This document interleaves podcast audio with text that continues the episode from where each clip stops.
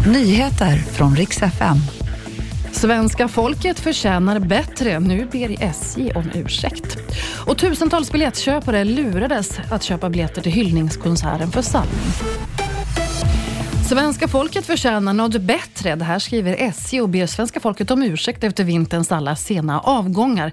Vi förtjänar helt enkelt en järnväg som man kan lita på, skriver deras VD. Ja, I december och januari då ställdes alltså över 11 000 avgångar in och förklaringen är bland annat den värsta vintern på över tio år.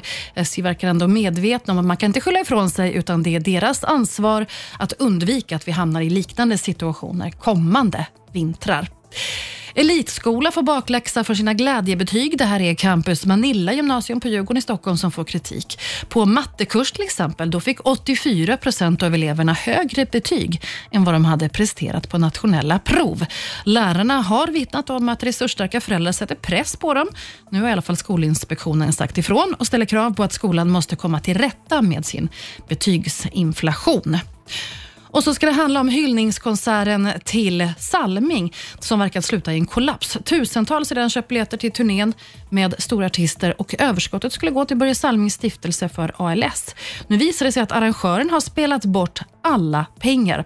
Han erkänner själv att han har ett kraftigt spelmissbruk. En av de medverkade, Jon Henrik Fjell, Fjällgren, den mannen var alltså manager åt honom, säger att han är nu förtvivlad. Managern var, trodde han, hans bästa vän.